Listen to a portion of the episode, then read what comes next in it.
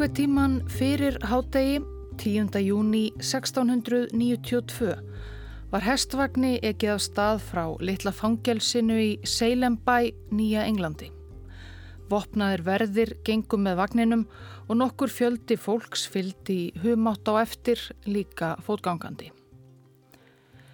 Hersingin fór niður slóða sem kallaður var fangelsisvegur því þar stóð fangelsið út á aðalgötu bæjarins svo í suðvestur og út úr bænum. Stuttan spöl og út á tún nokkuð í jæðri bæjarins nokkuð út úr.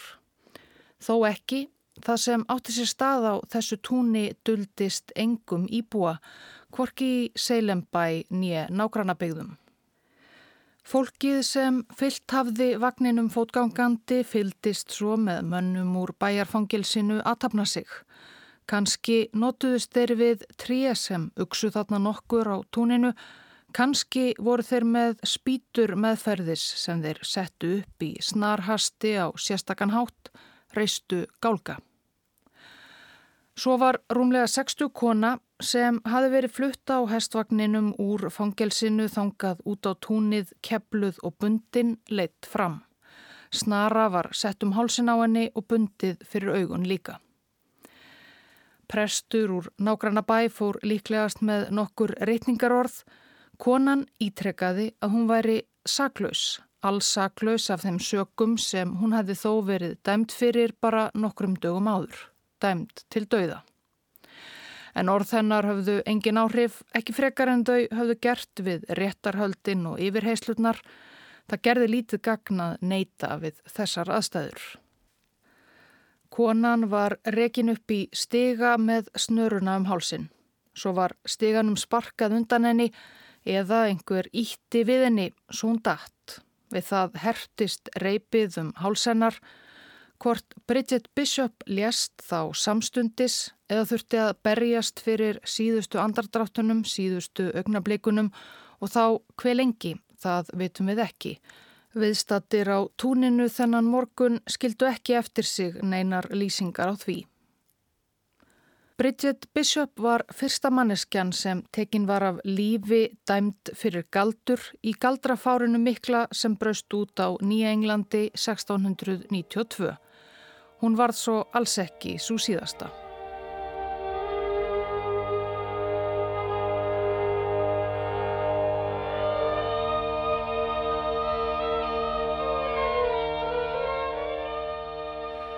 Ágæti hlustandi þetta er þriðji þáttur um galdrafárið mikla í Salem og nágrenni í nýlendunni Massachusetts á Nýja Englandi 1692 allræmdustu nortna ofsóknir í sögu Norður Ameríku og þó víðar væri leitað.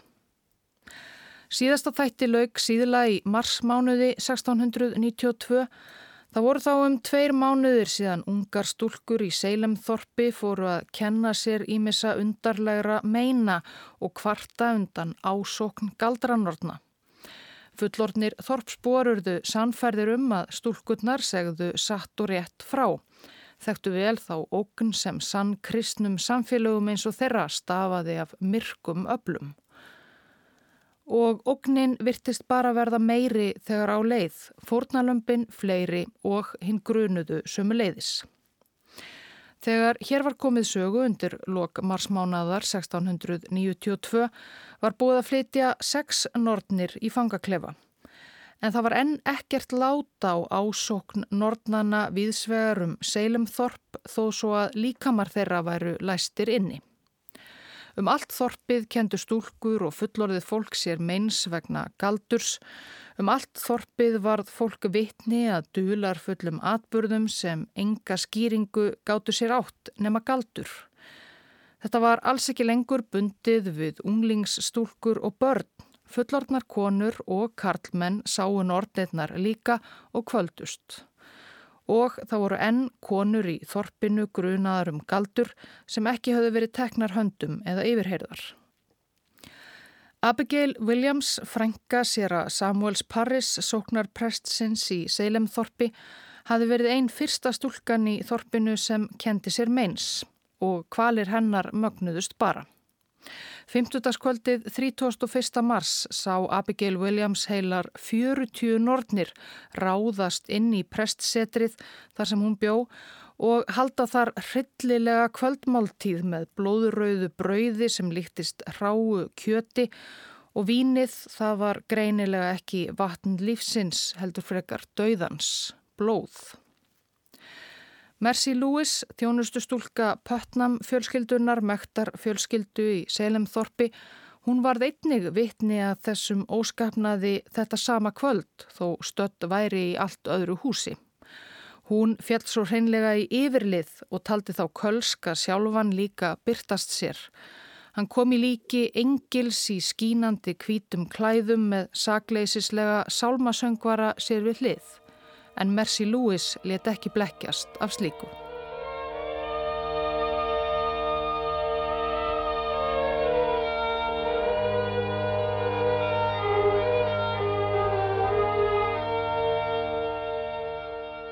Það var ekki svo að allir þorpsbúar í Seilem og nágræni hefðu umsvifa löst orðið handvissir um að nortnir og djöflar herjuðu á samfélag þeirra. Ekki alveg. Okkur þykir vafalaust mörgum erfitt meira en 300 árum eftir þessa atbyrði að skilja hvers vegna fór sem fór. Hvers vegna fólk virtist trúa svo staðfast á að nágrannar þeirra á nærstatir veru haldnir íllum öndum, veru handbendi djöfulsins og hvers vegna þetta gekk allt eins langt og þetta átti eftir að ganga. Rétt er að það voru alls ekki allir alveg sannfærðir. Margir aðstandendur ásakaðra áttu erfitt með að trúa því að ástvinir þeirra, fólk sem það þekkti af góðu einu, væru skindilega komin í slagtók við íll öll. Engverjir reyndu að komast til bots í því hver hefði einlega ásakað viðkomandi fyrst og um hvað, hvaðan þetta væri allt saman komið. Til dæmis ættingjar hinnar sjötugu Rebekku Nörs sem alltaf hafði þótt guðhrætt og heiðvirð kona en gisti nú fangaklefa sökuðum að pína ungar stúlkur með galdrabráðum. En það gatt endað ítla að reyna að leita svara og grípa til varna fyrir meintar nortnir. Rebekka Nörs átti yngri sístur Söru Klóis. Hún var um 50, tveimur áratugum yngri Hún gætt ómögulega trúa því að Rebecca, sýstir sín, væri einhver norn og reyndi að koma henni til varnar, tala máli sýstur sinnar í þorpinu. Þegar Sera Samuel Parris hafði haldið enn eina pretikunina gegn Nordnum í Pontu í Þorpskirkjunni þá móðgæðist Sara Klois fyrir sýstur sinnar hönd. Hún stormaði út og skellti kirkjuhurðinni á eftir sér. Kirkjugestir tóku andköf af nexlan. Og það var skömmu eftir það sem þjökuðu stúlgutnar í Seilemþorpi fóru líka að segjast sjá hana, Söru Klóis, byrtast sér, klýpa sig og pína.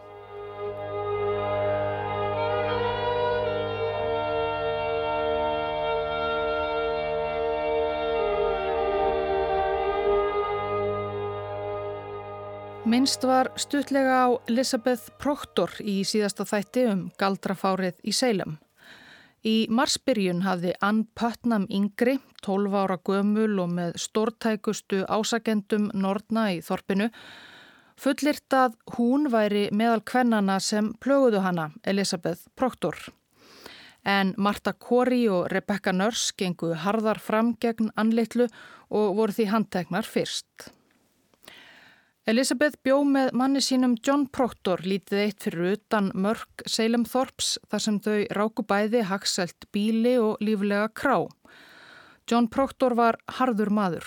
Hann hjátaði það fúslega að þegar Mary Warren, þjónustustúlka, fór fyrst að tala um að hún hefði verið beitt galdri, þá hafi hann reyndað berja djöfulin úr henni og hótað henni öllu íllu hættu galdrakostin ekki að hrjá hana.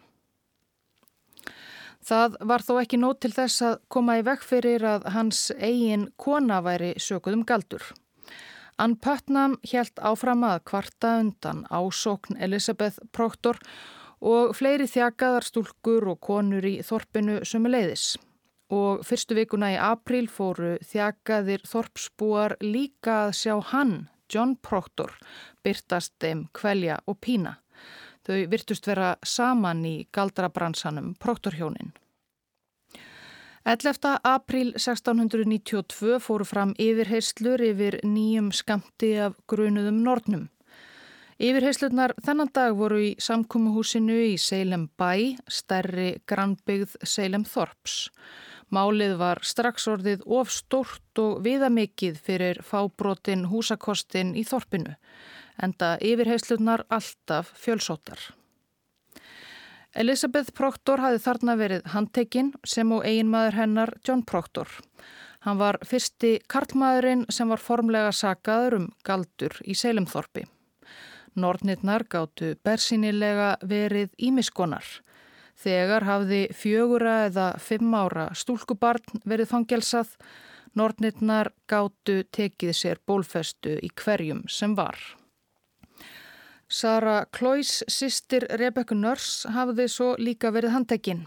Að skella hurðum í Þorpskirkjunni hafði verið of langt gengið og ymsar sögur um galdraverk hennar höfðu farið á flug í kjölfarið.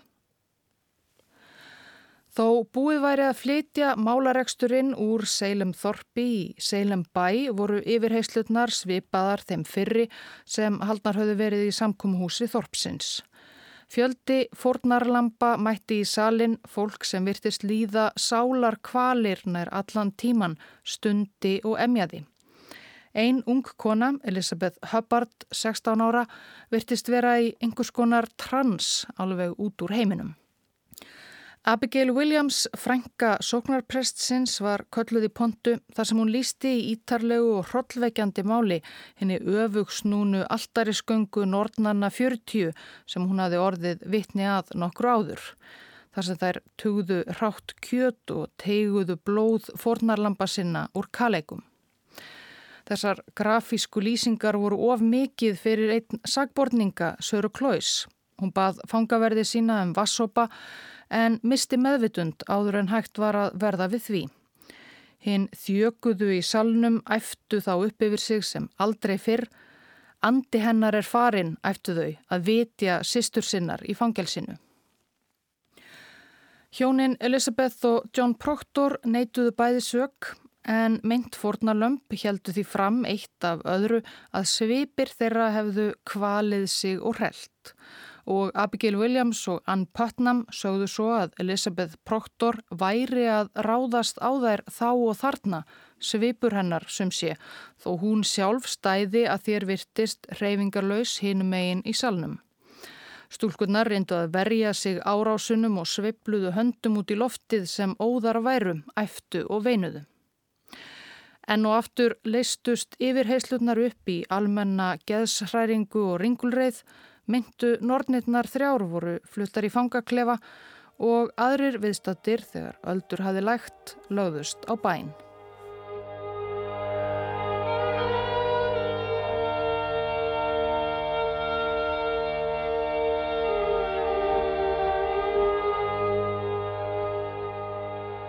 Viku síðar, 18. april, tilkynntu fulltrúar Þorpsbúa fjórar grunaðar nornir til viðbútar til yfirvalda í Seilem bæ.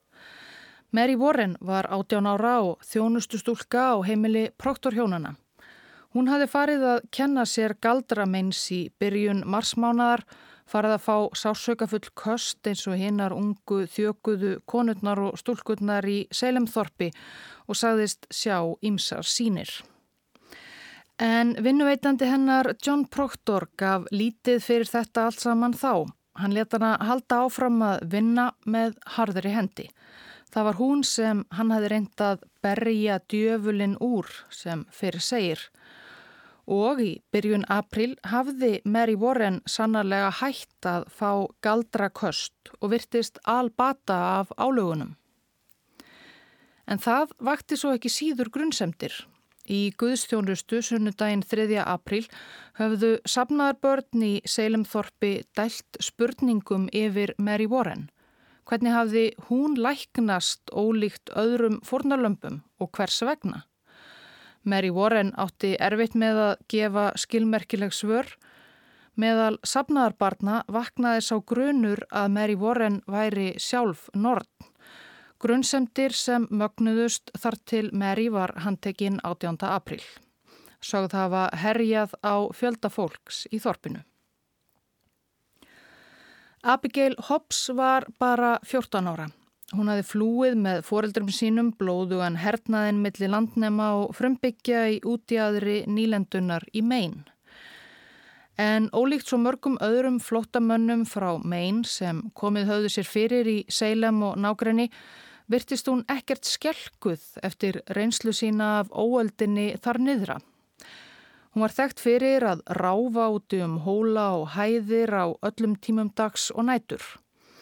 Hún hafði undanfarið áreða svo oft haldið því fram við hver þau sem heyra vildu að hún hefði selt sálu sína djöflinum, að hún væri óhrætt við að vera á ferli að næturlegi því kölski sjálfur verndaði hana.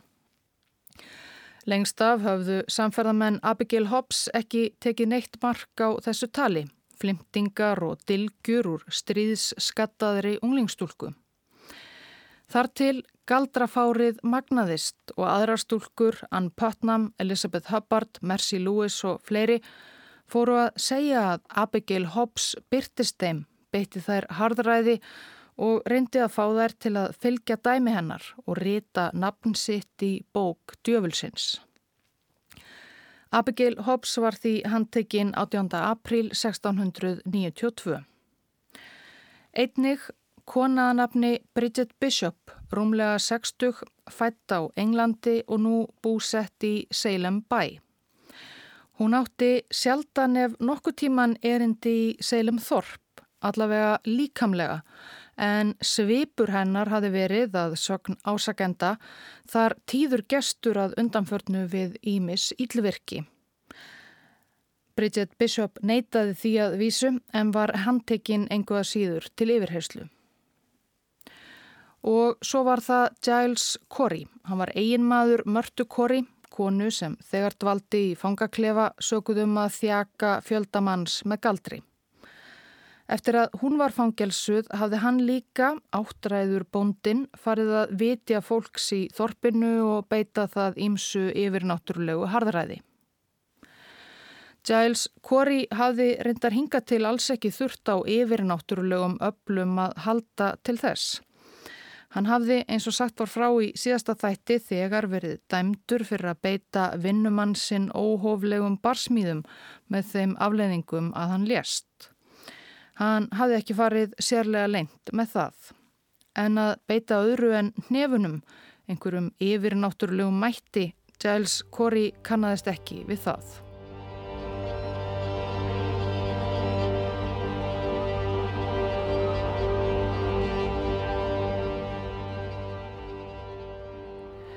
Nýjustu nornirnar voru yfirheyrðar strax degi síðar Aftur var vettvangur yfirheyslanna minna samkómhúsið í Seilem Þorpi. Giles Corey fyrstur neytaði öllum sökum. Þegar Mary Warren var kölluð til fekk hún kast, lippaðist niður á gólfið og æfti, saðist sjá eftir þessu. En eftir hverju sá hún, það var ekki hægt að yfirheyra Mary Warren frekar sökum geðsæringar. Bridget Bishop, hún var svo stór undrandi á öllu saman. Ég er saglus. Ég kannast ekkert við þessa sagir. Ég hef ekki stundan neitt galdur. Ég kalla alla viðstata hér til vittnisum að ég er saglus. Hún leiti átt að myndum fornalömpum sínum. Ég hef aldrei séð þetta fólk á æfinni áður. Ég hef aldrei komið yngi áður. Ég er eins saglus og ófætt unga barn. Það var raunar svo að þetta var ekki í fyrsta sinn sem Bridget Bishop var sökuð um galdur. Hún var þrýgift kona. Annar eiginmaður hennar var kaupsíslumadurinn Thomas Oliver. Þau giftust 1666 og áttu stormasamt samband, urðu þekkt fyrir háfaðasum rifrildi og jafnvel slagsmál. Thomas Oliver hafi látið lífið eftir 13 ára hjónaband þeirra 1679 og Bridget Bishop hafi þá verið sökuð um að hafa með einhverjum hætti galdrað einmann sinn til bana. Engar beinar sannanir fundust þó fyrir þeim sökum þarna 1679 og var hún því áfram frjálskona en nortna orðið fór enn af henni virðist vera og það var kannski þess vegna sem sögur um hana fóru aftur á flug í nortnafárinu 1692 þó svo að hún væri alls ekki velþægt manneskja í Seilem Þorpi. Og í þetta sinn þóttu sannanitnar, framburður meintra fornarlampa sem sögðu sviphennar hafa ásótt sig og pyntað með ýmsum hætti, þær þóttu alveg nægilegar. Bridget Bishop var stungið í steinin, rétt eins og Giles Corey og Mary Warren. Fjórðanordnin sem tekin var til yfirheyslu þennan dag var Abigail Hobbs 14 ára. Sú sem hafði sjálf talað fjálglega um það lengi að hafa selt sálu sína djöflinum og hún helt áfram að tala opinskátt í samkómuhúsinu. Hún játaði sög. Ég skal segja sannleikan. Ég hef séð ímislegt og ég hef verið hrætt.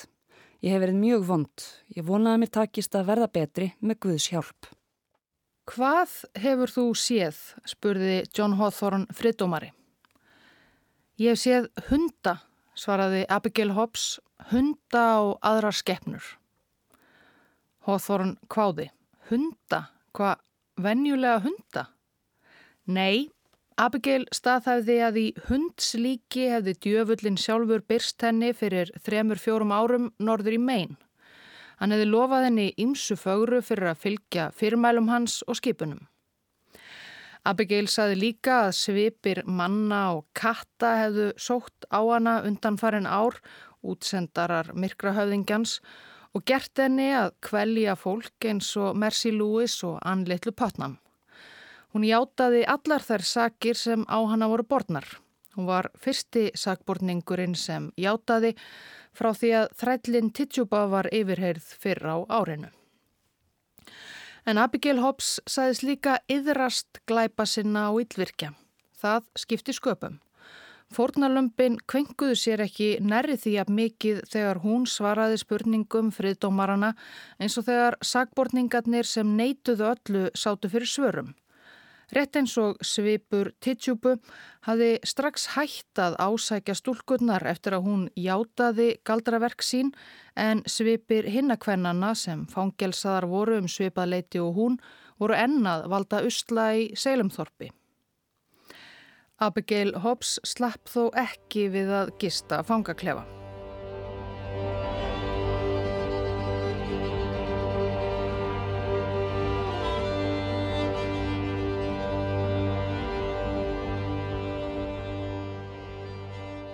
Yfirvöldi í Seilem og nákrenni höfðu í nógu að snúast. 21. apríl voru formlegar ásakanir settar fram á hendur nýju myndum nortnum til viðbótar. Nortnir leindust allt um kring í samfélaginu virtist vera konur og karlar fólk á öllum aldri hafi gengist myrkra höfðingjanum á hönd. Næstu daga og vikur helt áfram að bætast í hóp sagbortninga sem og fornarlampa sem mörg hver virtust líðanær stöðugar sálar kvalir vegna álaga og galdurs og engin leið var að lina þjáningar þeirra, engar bænir virtust vera nógu öflugar. Málinn voru þarna orðin svo mörg að ómögulegt er að tíunda þau öll hér og fara yfir sagbortninga, fornalömp og helstu galdraverk eins og ég hef gert hingað til.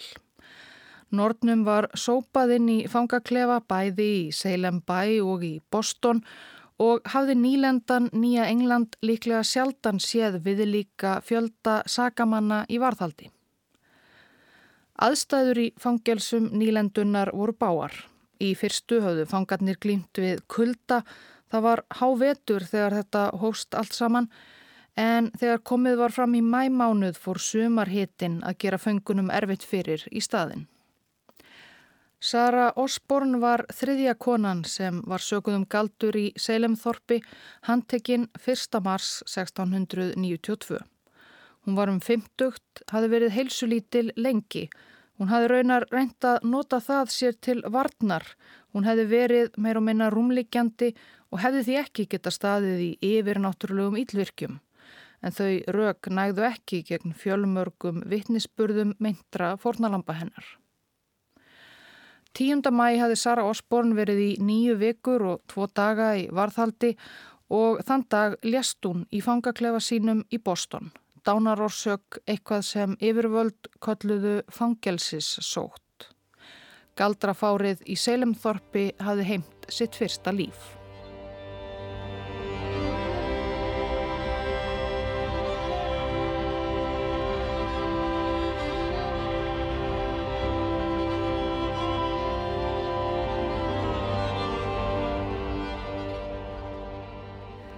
Síðdegis 14. mæ 1692 lagði freikátan Non-Such að höfni Boston helstu byggð Nýja Englands. Skipið hafi silti yfir Allandshafið frá gamla landinu Englandi og um borð var meðal annara maður sem átti eftir að hafa þó nokkur áhrif á þessa sögu.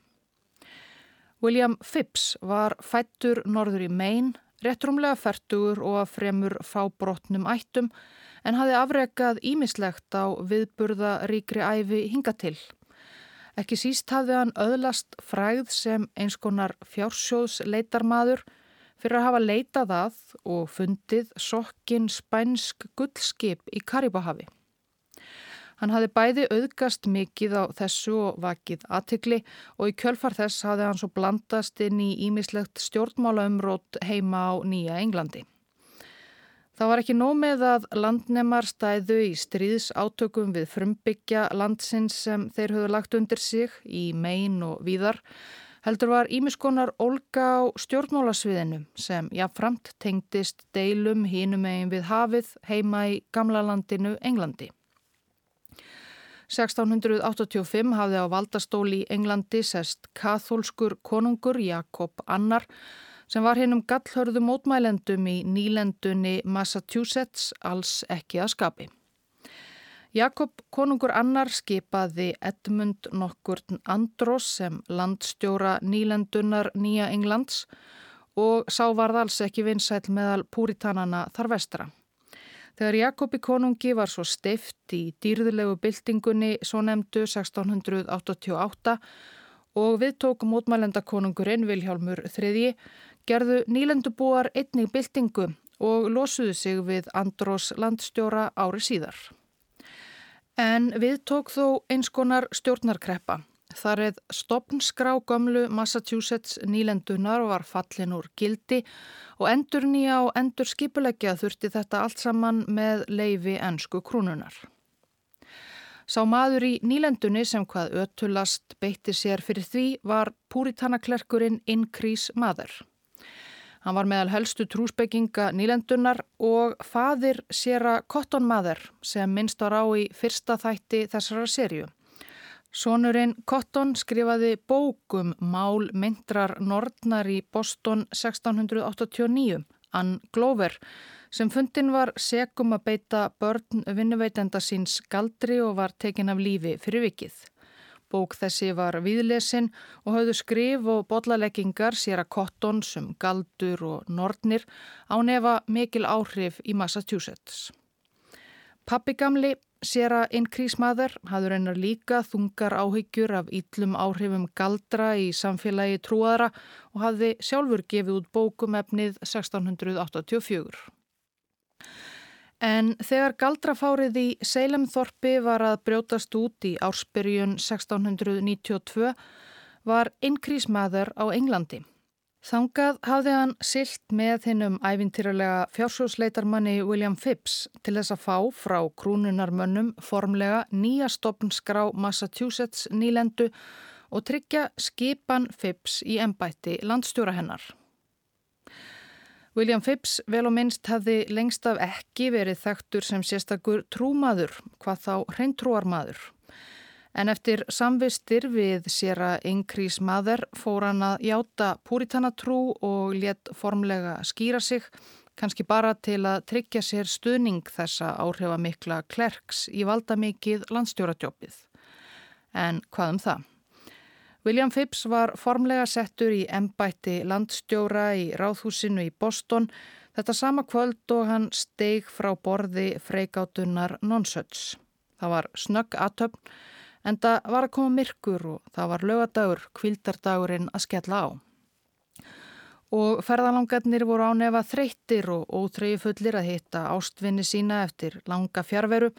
Að lokinni aðtöfninni fór sér að inkrísmaður og hitti fólkið sitt þar á meðal Sonsinn Cotton sem ánefa sagði honum alltaf hinnum hrikalega nortna faraldri sem var við það að buga nágranna þeirra í Seilem og hann hafi fylst með síðustu vikur og mánuði. Á nefa var nýr landstjóri William Phipps líka fljótlega settur inn í þetta agalega mál. Áhrifa galdramálsins gætti sannarlega líka í Boston. Það var allt talað um nýlenduna alla og svo hafðu Nordnir frá Selemþorpi verið settar í fangageimslur í Boston. Og það kom í hans hlut sem landstjóra taka næstu skref, næstu ákvarðanir í þessu viðamikla máli.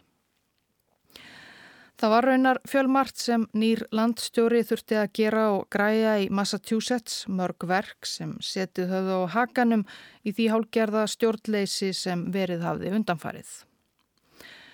Tveimur vikum eftir komu Phipps til Boston 27. mæ 1692 var svo loks komið að því að koma dómskerfi nýlendunar í sæmilegt horf samkvæmt því sem stóð í stopnskráni sem landstjóri hafi meðferðis frá gamla Englandi og reyna að eiga við þann fjölda nortna sem hrannast hafi upp í fangjálsum nýlendunar.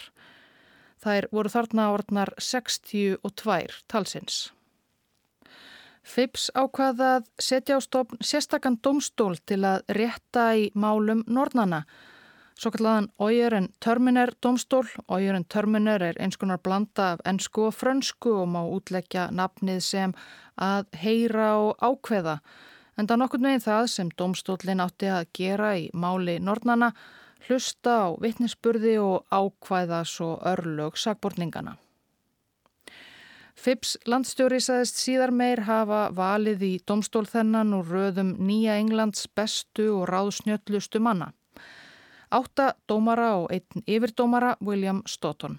Dómararnir, allt auðvitað karlar, voru flestir frá Boston, þrýr voru frá Salem Bay, ekki löglærðir menn, heldur upp til hópa kaupmenn og landegendur, vel stæðir mektarmenn í nýlendunni. Í dómarahópnum voru meðal annara þeir John Hawthorne og Jonathan Corwin, friðdómararnir tveir frá Salem Bay sem voru málinu vel kunnugir, höfðu þegar yfirheirt fjöldanallan af Nordnum í samkúmuhúsunum í Salem Bay og Þorpi. Þeir vissu betur en flestir hvaða ofur ebli var við að etja.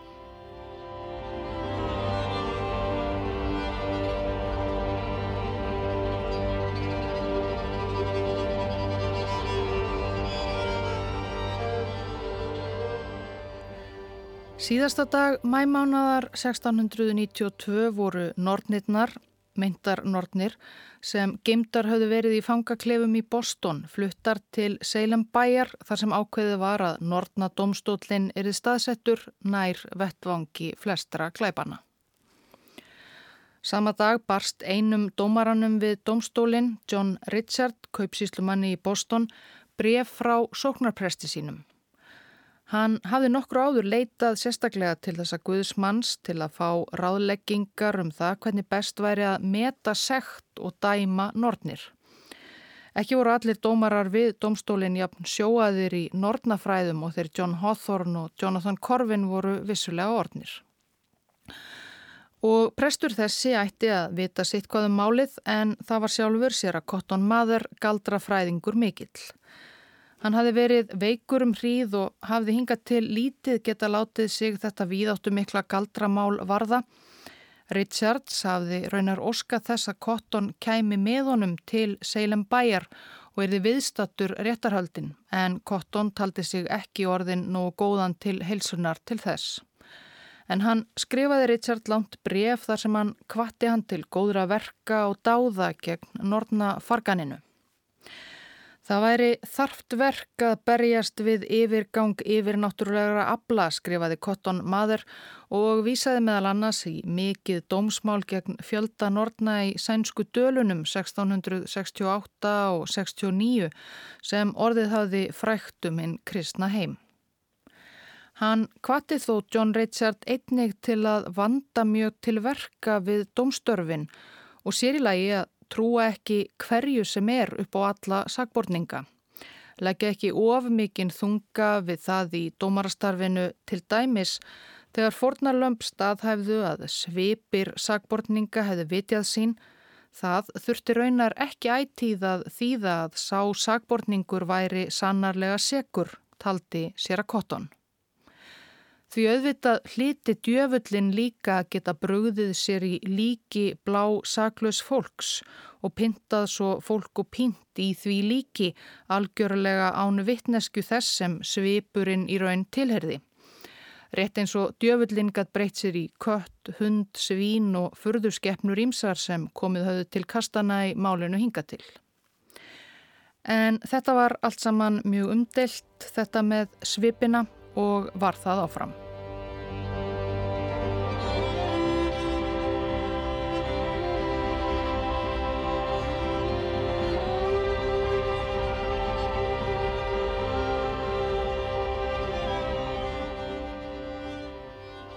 Annan júni hófust formleg málaferli Nortnadómstólsins í Seilembæ. Dómarar þurftu að taka afstöðu til tuga sagbortninga en allt hóst þetta á einu máli. Bridget Bishop var fyrst meintra Nortna fyrir dómin. Þeim fjölmörgu áhorfendum sem fylstöðu með yfirheyslunum í samkómuhúsunum fyrra á árinu, þeim var málið eflaust orðið vel kunnulegt. Eitt af öðru mættu meint fórnalömp galdraverka Bridgetar Bishop í vittnastúku og lístu ýmsum píningum sem þau höfðu mátt sæta af hennar yfir náttúrlegu hendi.